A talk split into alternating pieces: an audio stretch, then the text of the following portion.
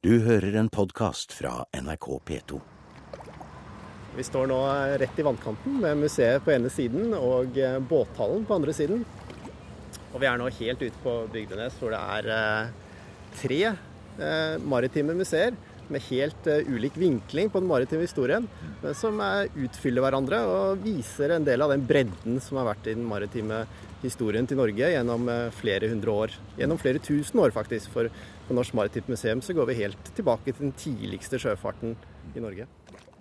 Det er arkeolog Frode Kvalø ved Norsk Maritimt Museum, det som tidligere het Norsk Sjøfartsmuseum, som sammen med Elisabeth Koren tar imot ute på Bygdøynes. Det har gått 100 år siden den store jubileumsutstillingen i mai 1914 åpnet sin båtavdeling innerst i Frognerkilen, på Skarpsno. Og det er på mange måter starten på historien, som nå feirer sitt 100-årsjubileum. Men det tok veldig lang tid før museet kom skikkelig i gang, sier Elisabeth Koren. Det var en lang kamp for museet å få et eget utstillingsbygg. Og det var jo eh, jeg tror nok stifterne Museet ble stiftet i 1914, og jeg tror aldri de så for seg at det skulle ta så forferdelig lang tid for å få et eget bygg. Eh, det, men de klarte, det de klarte, var ganske fort. Så fikk de åpnet en liten utstilling på Folkemuseet. Mm. og var på en måte gjester der. Uh, og, og, så var det i mellomkrigstiden masse diskusjoner fram og tilbake. Og man drømte om et eget bygg. Man ønsket en, en stor og flott sjøfarts... altså et bygg som kunne vise den sjøfartshistorien. Men det var veldig vanskelig å få finansiert. Man fikk jo samlet jo inn mye penger, fra, særlig fra redere så man hadde jo etter hvert et lite byggefond, og man klarte å kjøpe opp tomten her ute på Bygdøynes også etter hvert, i 30-årene. Men, ehm, men, det var ikke før i 1958 at man klarte å sette opp et eget, eget bygg. Så museet er jo, er jo, var jo da nesten ja, hva blir det? over 40 år gammelt før man fikk et eget bygg. Men inntil det hadde det også vært utstillinger og samlinger og, og en forening som drev det, men det var lokalisert på Folkemuseet. Og det var båthallen som var den første? Ja, det var båthallen. Eh, og det var et eh, flott valg for eh, båtsamlingen, den tradisjonelle båtsamlingen fra, fra hele Norges kyst. Det er noe av det fineste vi har, og noe av det som virkelig særpreger dette museets samlinger. Båtsamlingen skal gjenoppstå i ny drakt i forbindelse med fornyelsesprosessen på Norsk Maritimt Museum, som nå er i full gang. Og om en liten stund skal vi gå inn for å se på noe av alt det som preger den moderne driften på museet i dag. Men det står ikke til å nekte at det har vært litt problemer på Maritimt museum de siste årene. Særlig med tanke på hvordan man skal skaffe penger til den daglige driften. Ja, for det er Museet er jo finansiert som jeg sa også ved hjelp av mye gaver fra redernæringen. Jeg, jeg syns det er utrolig flott at at de mar maritime virksomhetene er opptatt av å beholde sin, eller bevare den kulturhistorien knytta til den virksomheten de har drevet med. Så alt du ser her, er egentlig bygget opp ved hjelp av penger fra private donasjoner. Men de har jo hele tiden hatt som en forutsetning at drift, den vanlige daglige tralten, vedlikehold av bygningene, lønn til personalet, det må finansieres på en annen måte. Og der har vi jo hatt, fått en del eh, offentlig støtte. De siste årene litt fra staten, og, og, lenge så har det vært Oslo kommune som har vært den største bidragsyteren. Men det har jo ikke stått helt i forhold til dette store museets behov. For vi har jo veldig mange store, store og tunge oppgaver. Og hvis du ser på disse disse husene de er jo veldig Det er, det er, det er jo flott og stort og fint. Og det er så flott. Adressen er jo formidabel. ja, det er så flott. Og, og, arkitekturen er jo imponerende. Men det er klart de ble bygget i forskjellige byggetrinn. Et bygg fra 58. De krever sitt. Eh, nå skal ikke vi dvele så mye med alt som er litt vanskelig når det er et 100-årsjubileum. Men jeg må jo da få lov til å spørre når vi først er på dette punktet. Går det bedre nå, Elisabeth? Ja, det skjer veldig, veldig mye her. så vi har klart mange av de vedlikeholdsutfordringene har vi jo klart å løse. Og det, jeg syns det er en veldig sånn fin og optimistisk stemning ved museet. Og når det gjelder utstillingene, så har vi fått igjen ved hjelp av sjenerøse gaver fra maritime næringen, så har vi fått mulighet til å fornye oss. Men dere savner en mer langsiktig finansiering? Ja, det, det gjør vi. Jeg må jo si at Grunnen til at det går bedre, er jo igjen privat initiativ, og at vi har NMM Partner som støtter oss. Det offentlige har ikke bidratt med noe mer Nei. i årene som har gått. Så det er den maritime klyngen, som det heter, som er med på en slags sponsorvirksomhet. Det er det. Og det er vi veldig takknemlige for. Frode og Elisabeth, nå skal vi gå inn i dette bygget, og nå vil jeg at dere skal vise akkurat det som dere er mest stolt av. Det er masse her inne i dette bygget, og vi kan ikke i dette programmet gå igjennom absolutt alt, men nå får dere anledning til å vise frem det som er det aller fineste, slik som dere ser det. Ja, velkommen inn. Her i midten av vågen der er det svart mudder som dekker sjøbunnen. Men innimellom dette så ser vi masse stjertepotter, små kokekar med håndtak og tre føtter som sto ned i gruen. Det er masse krittpiper, pipehoder og sånne rester. Og så kjenner vi den lukta. Det er litt sånn svovelaktig Ja, det er god lukt av råtnende kulturhistorie. Litt svovel må det være.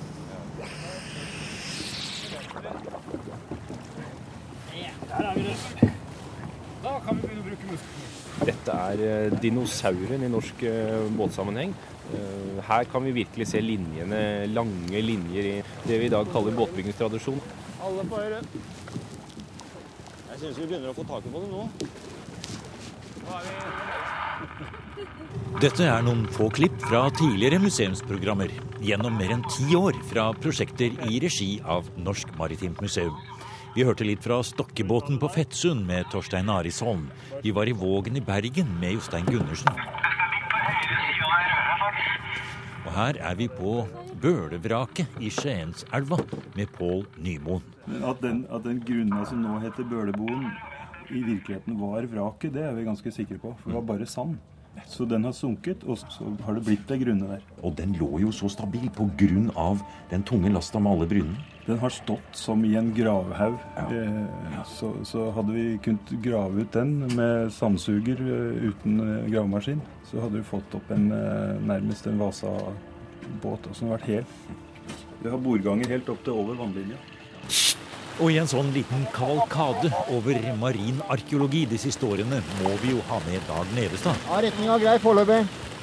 Han står i strandkanten et sted ved Farsund og speider utover Nordsjøen i retning Ekofisk. Vi må da undersøke sjøbunnen. Ikke bare skipsvrak, men også veldig eh, spennende ting fra det vi kaller for Nordsjøkontinentet. Vi har et uh, lite Atlantis liggende der ute så snart vi er kommet over norskerenna. Så har det nemlig vært tørt land i flere tusen år. Og uh, det vi har sett nå uh, der ute fra, det ser ut som vi har med å gjøre en ganske flat arktisk tundra. Men vi fant altså 80 elveleier og innsjøer. En hel del av museumsprogrammer om marinarkeologi og et langt klipp fra Søndagsposten fra 1956, hvor Erik Bye dykker på 1700-tallsvraket av orlogsskipet Slesvig ved Missingene og snakker med Svein Molaug, ligger nå på museums podkastsider. Men nå skal vi straks inn og fortsette 100-årsjubileumsvandringen på Norsk Maritimt Museum på Bygdøynes. Og da må vi ha med et lite klipp fra Barcode-utgravningen i Oslo havn for noen få år siden. En av dem som var med på å starte den maritime arkeologien i Norge, professor emeritus Arne Mill Christensen, som nå har sitt arbeidskontor på Maritimt museum, var med for å se på de mange funnene av båter som stadig kom fram fra middelalderens sjøbunn. Er det gående her, eller blir jeg sittende litt i halsen? Det er forferdelig spennende. Det kan jo faktisk være en del av en Det er skjøt. faktisk en del av en skjøt. At du, at du har hatt en øh, Gå bort her, for nå, nå løftet Jostein opp et, et av bordene her. Han graver med hendene her. Han er ivrig nå. Når du har uh, skjørt treverk i nærheten, så er en spyleslange og fingrene er det mest skånsomme du har. Akkurat. Gravskjeen kan sette merker. Ja, her ser du nå, nå graver Jostein Gundersen ned med hendene nedi her. Og, og graver opp lere helt nede i spissen av stevnbordet der. Den der kan tyde på det du mente, Arne Emil, at den har vært veldig flat, egentlig. Bør ha skaringshoggingen på den siden der. Ny båt. Mm. Ny båt, sier det?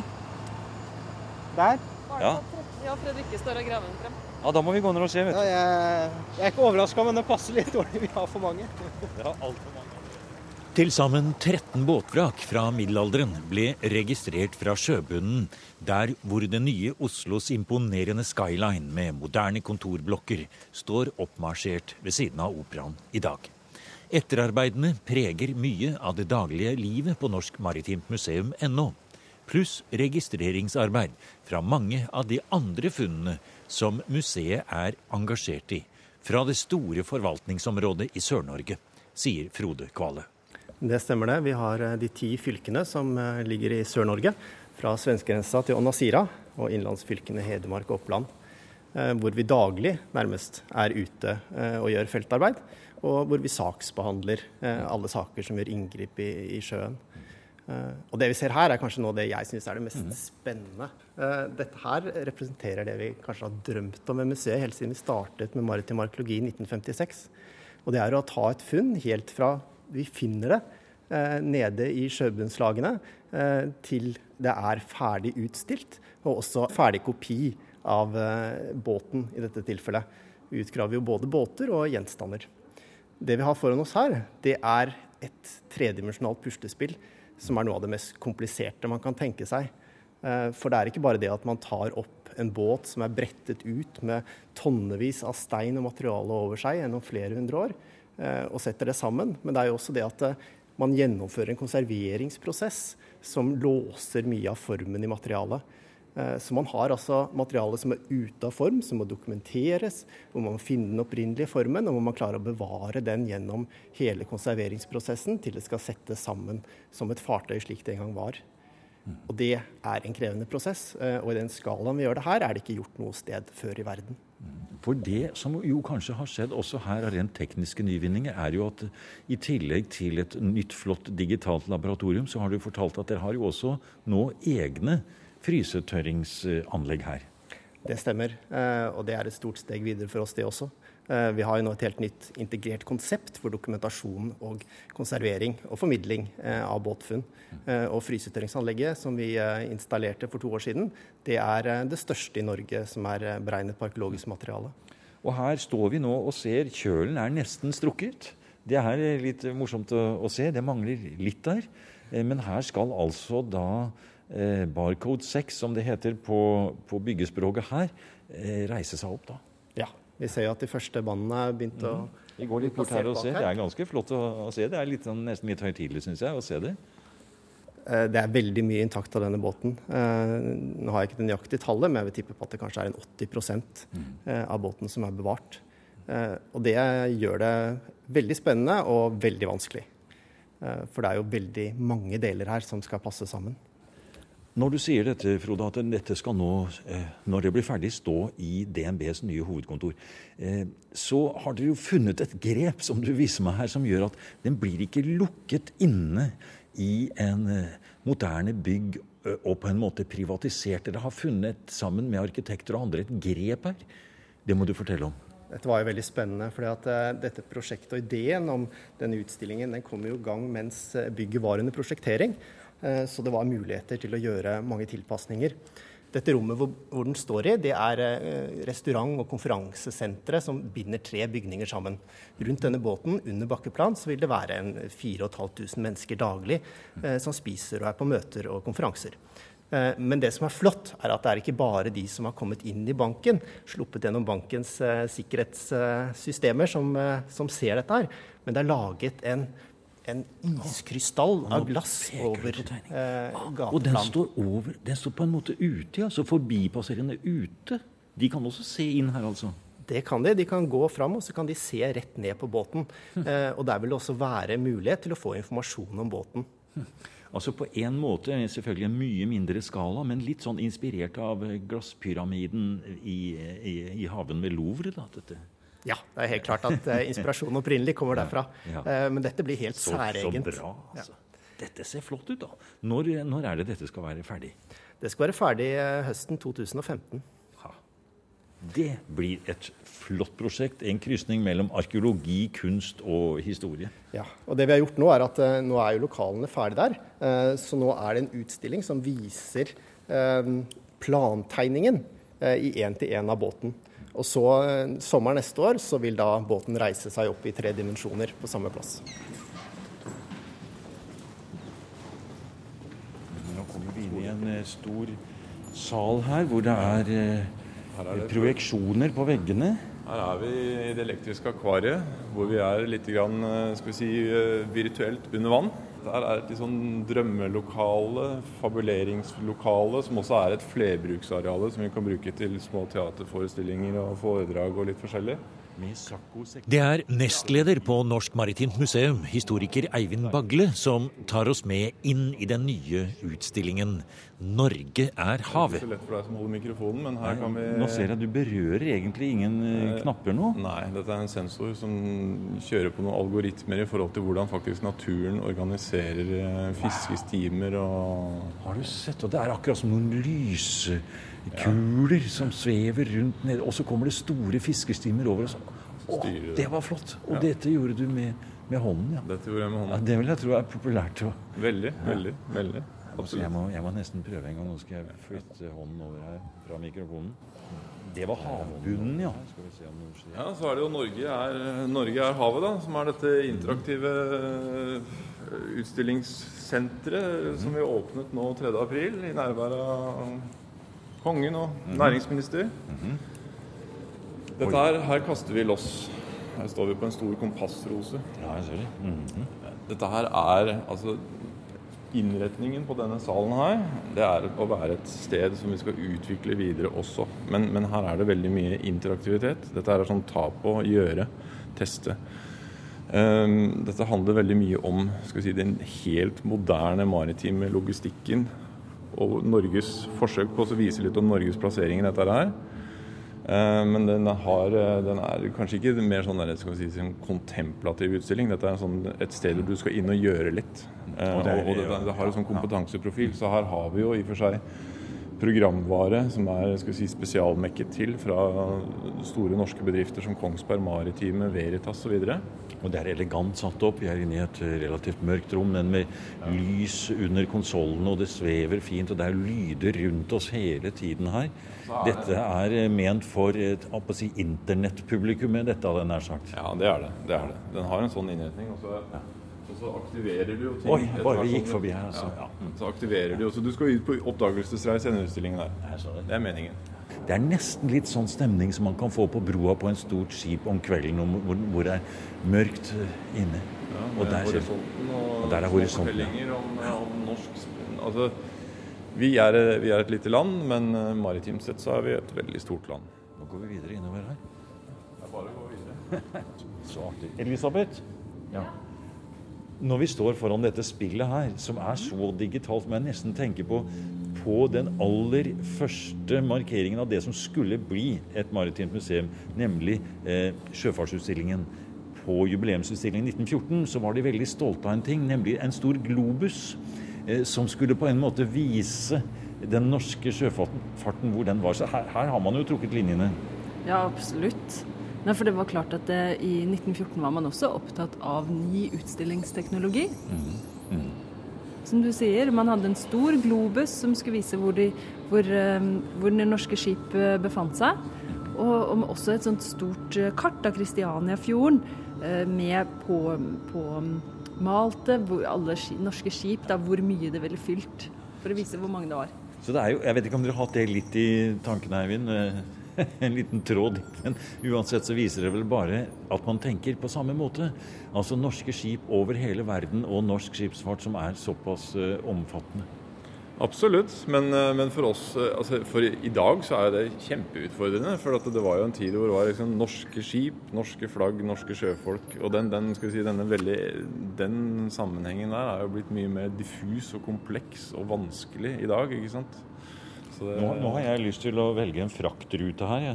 Det er nesten vanskelig å fortsette å snakke, for man har lyst til å være en frakt av biler fra Japan til Norge. Trykker jeg på den. Eh, Der kom plutselig Japan, og til Drammen, ja. Du skal være reder i dette spillet, står det. Rederen eier skipet, leder det og støtter spillerne rundt for å oppnå best mulig. Og her kommer Reidar Wilhelmsen opp, ja. Motta samt. Nå ringer han. Nå ringer han her. Ringer han. Ringer, og nå må du ta telefonen. Hallo? Hallo? Hei? Ja? Nå får jeg bestilling på å frakte biler fra Yokohama. Ja. ja. Og fem dager? Ja, det var en eh, Oi. Nå får jeg ordren her og skal reise av sted. Vi har ikke tid til å gjøre det nå, Wilhelmsen, men eh, vi får gjøre det en annen gang. ja, jeg legger på her. Vi får håpe ikke skipsreder Reidar Wilhelmsen hørte dette, men han er på skjermen her og ser inn i, i, i eh, kameraet, nær sagt. på. Det var veldig livaktig. Og så forstår jeg at opplegget er slik at jeg vil da møte problemer underveis her nå. Du, ja, og så møter du da altså du, du, vil være i en konkurransesituasjon, er jo de fleste her. Sånn at man spiller mot hverandre. Og du, blir, eh, du, blir, eh, du får en score som går etter om du har gjort det bra tidsmessig. Altså Det er liksom alfa og omega. 100 år over og under vann heter jubileumsboken til Norsk Maritimt Museum. Det er en samling artikler både om museets historie, faglige forskning og skifte i policy, som kom på 50-tallet under museets legendariske direktør Svein Molaug, som ledet museet i nesten 30 år.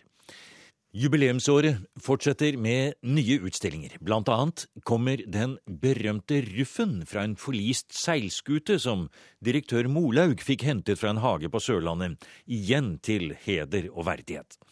Alle museer med respekt for seg selv har en solid venneforening, og det er det jo ingen tvil om at Norsk Maritimt Museum har, både som sponsorer og som aktiv dugnadsgjeng. Christian Dorang. Har du vært med venneforeningen her eh, lenge? 16-17 år, tenker jeg. Hva, hva gjør venneforeningen? Venneforeningen de driver, akkurat nå holder vi på å prøve å få flest mulig inn i museet. Og da lager vi, For unge så lager vi byggesett av båter. Og da kommer det gjerne ett barn, og så kommer det med foreldre og besteforeldre. Så vi har faktisk hatt økt inntaket her med 40% Så bra. Det er fantastisk. Eh, Men, men, hva, ja, det er jo bra. Men hva er det som gjør at akkurat Sjøfartsmuseet er interessant for deg å bruke tiden din på? Hvorfor det? Jo, for jeg har tilfeldig så reiste jeg til sjøs som 15-åring. Og ble kaptein og inspektør etter rederiet jeg har seilt ganske lenge, da. Ja. Ja, hva- hva slags eh, skip seilte du på? Jeg seilte på linjeskip og bulkskip og alt mulig tankskip. Forskjellige. Og rigger har jeg også vært på. Ja, altså Da er jo du helt rette personen å spørre er det viktig å ha et museum som Sjøfartsmuseet. Jeg antar at svaret på det er ja fra deg, men hvorfor? Jo, det er for å få at eh, ungdom skal få innblikk i shipping. Og det er ikke oppe det nye museet. Her oppe er det et nytt, uh, nytt uh, avdeling, da. Med, og der kan ungdom lære ganske mye hvis de går inn der og, så, og, og undersøker ganske mye. Det er digitalt, da. Mye av det. På skjermer. Så de kan gå inn der og konkurrere og holde på og få poeng. Flott. Det er litt Ja. her nå. Ja. at eh, Du sier, uh, som mange tenker på Sjøfartsmuseet, eh, men det heter jo Norsk Maritimt Ja, Norsk Maritimt Museum, ja. Ja, for vi driver ikke strengt tatt bare med sjøfart. Trond Anders Svensson heter jeg, men ellers så jeg jeg er mer en sånn kystkulturmann. Hvilken oppgave mener du at Norsk Maritimt Museum har? Altså, med andre ord, hvorfor skal vi ha det? Det er en forferdelig viktig del av vår historie. Eh, Det har skapt veldig mye for landet. Eh, Det er jo en veldig viktig historisk ballast for oss. Og for ikke så mange år siden så var hver tredje gutt eller kar ute til sjøs. Og det er det mange i dag som, som glemmer. Så det å både formidle vår historie og skape entusiasme for det som kanskje mange glemmer nå, er veldig viktig. Jeg heter Trolle Wasserfall. Jeg har ikke drevet med kart så veldig lenge, men vi har jo enormt med kart liggende i skuffer og ruller og pappesker. Og disse må tas frem og rettes og eh, beskrives. Og kanskje på sikt også digitalisere dem. Skanne dem. For i gamle dager så var det jo noe som het sjøkart, eller noen kalte det kanskje for draft. Nå er det jo GPS og elektronisk alt som er. Ja, det er riktig det. Så vi må ta vare på de gamle sjøkartene. Ja, vi sier sjøkart. Ja, Kan vi da rett og slett bare for the record få frem hva er forskjellen på et sjøkart og et draft? Et draft mener jeg er eh, en havnebeskrivelse hvor dybdeangivelsen er i en havn, altså draft-dybden. Mens et sjøkart er et eh, sjøkart. Er dere enig i det? Ja, ja, ja, ja. bra. Det er dypgående på en båt, egentlig. Ja, ikke sant. På et fartøy. Jeg har så lyst til å spørre deg også. Kan jeg få navnet ditt også? Ja, jeg heter Per Klem. Ja. Og øh, jeg mener at øh, arkeologi er også en del av museet. Jeg er skipsingeniør, Ja. men jeg har også åtte måneder på et tankskip som smører. Jeg har en master i arkeologi også, som jeg tok nå for noen år siden. Jaså, er det pga. interessen du har fått for det faget her, eller? Eh, Ja, delvis. Delvis. Ja. Og. Vikingskipshuset, ja. Ja. Kan jeg få spørre hva, hva masteroppgaven din gikk ut på? ja. Det gikk ut på å prøve å finne ut hvordan disse helleristningsskipene ble bygget. Er du se Det var spennende, da. Fantastisk. Ja, Så flott. Tusen takk skal dere ha, dere. Du har hørt en podkast fra NRK P2. Send gjerne en e-post til museum krøllalfa nrk.no.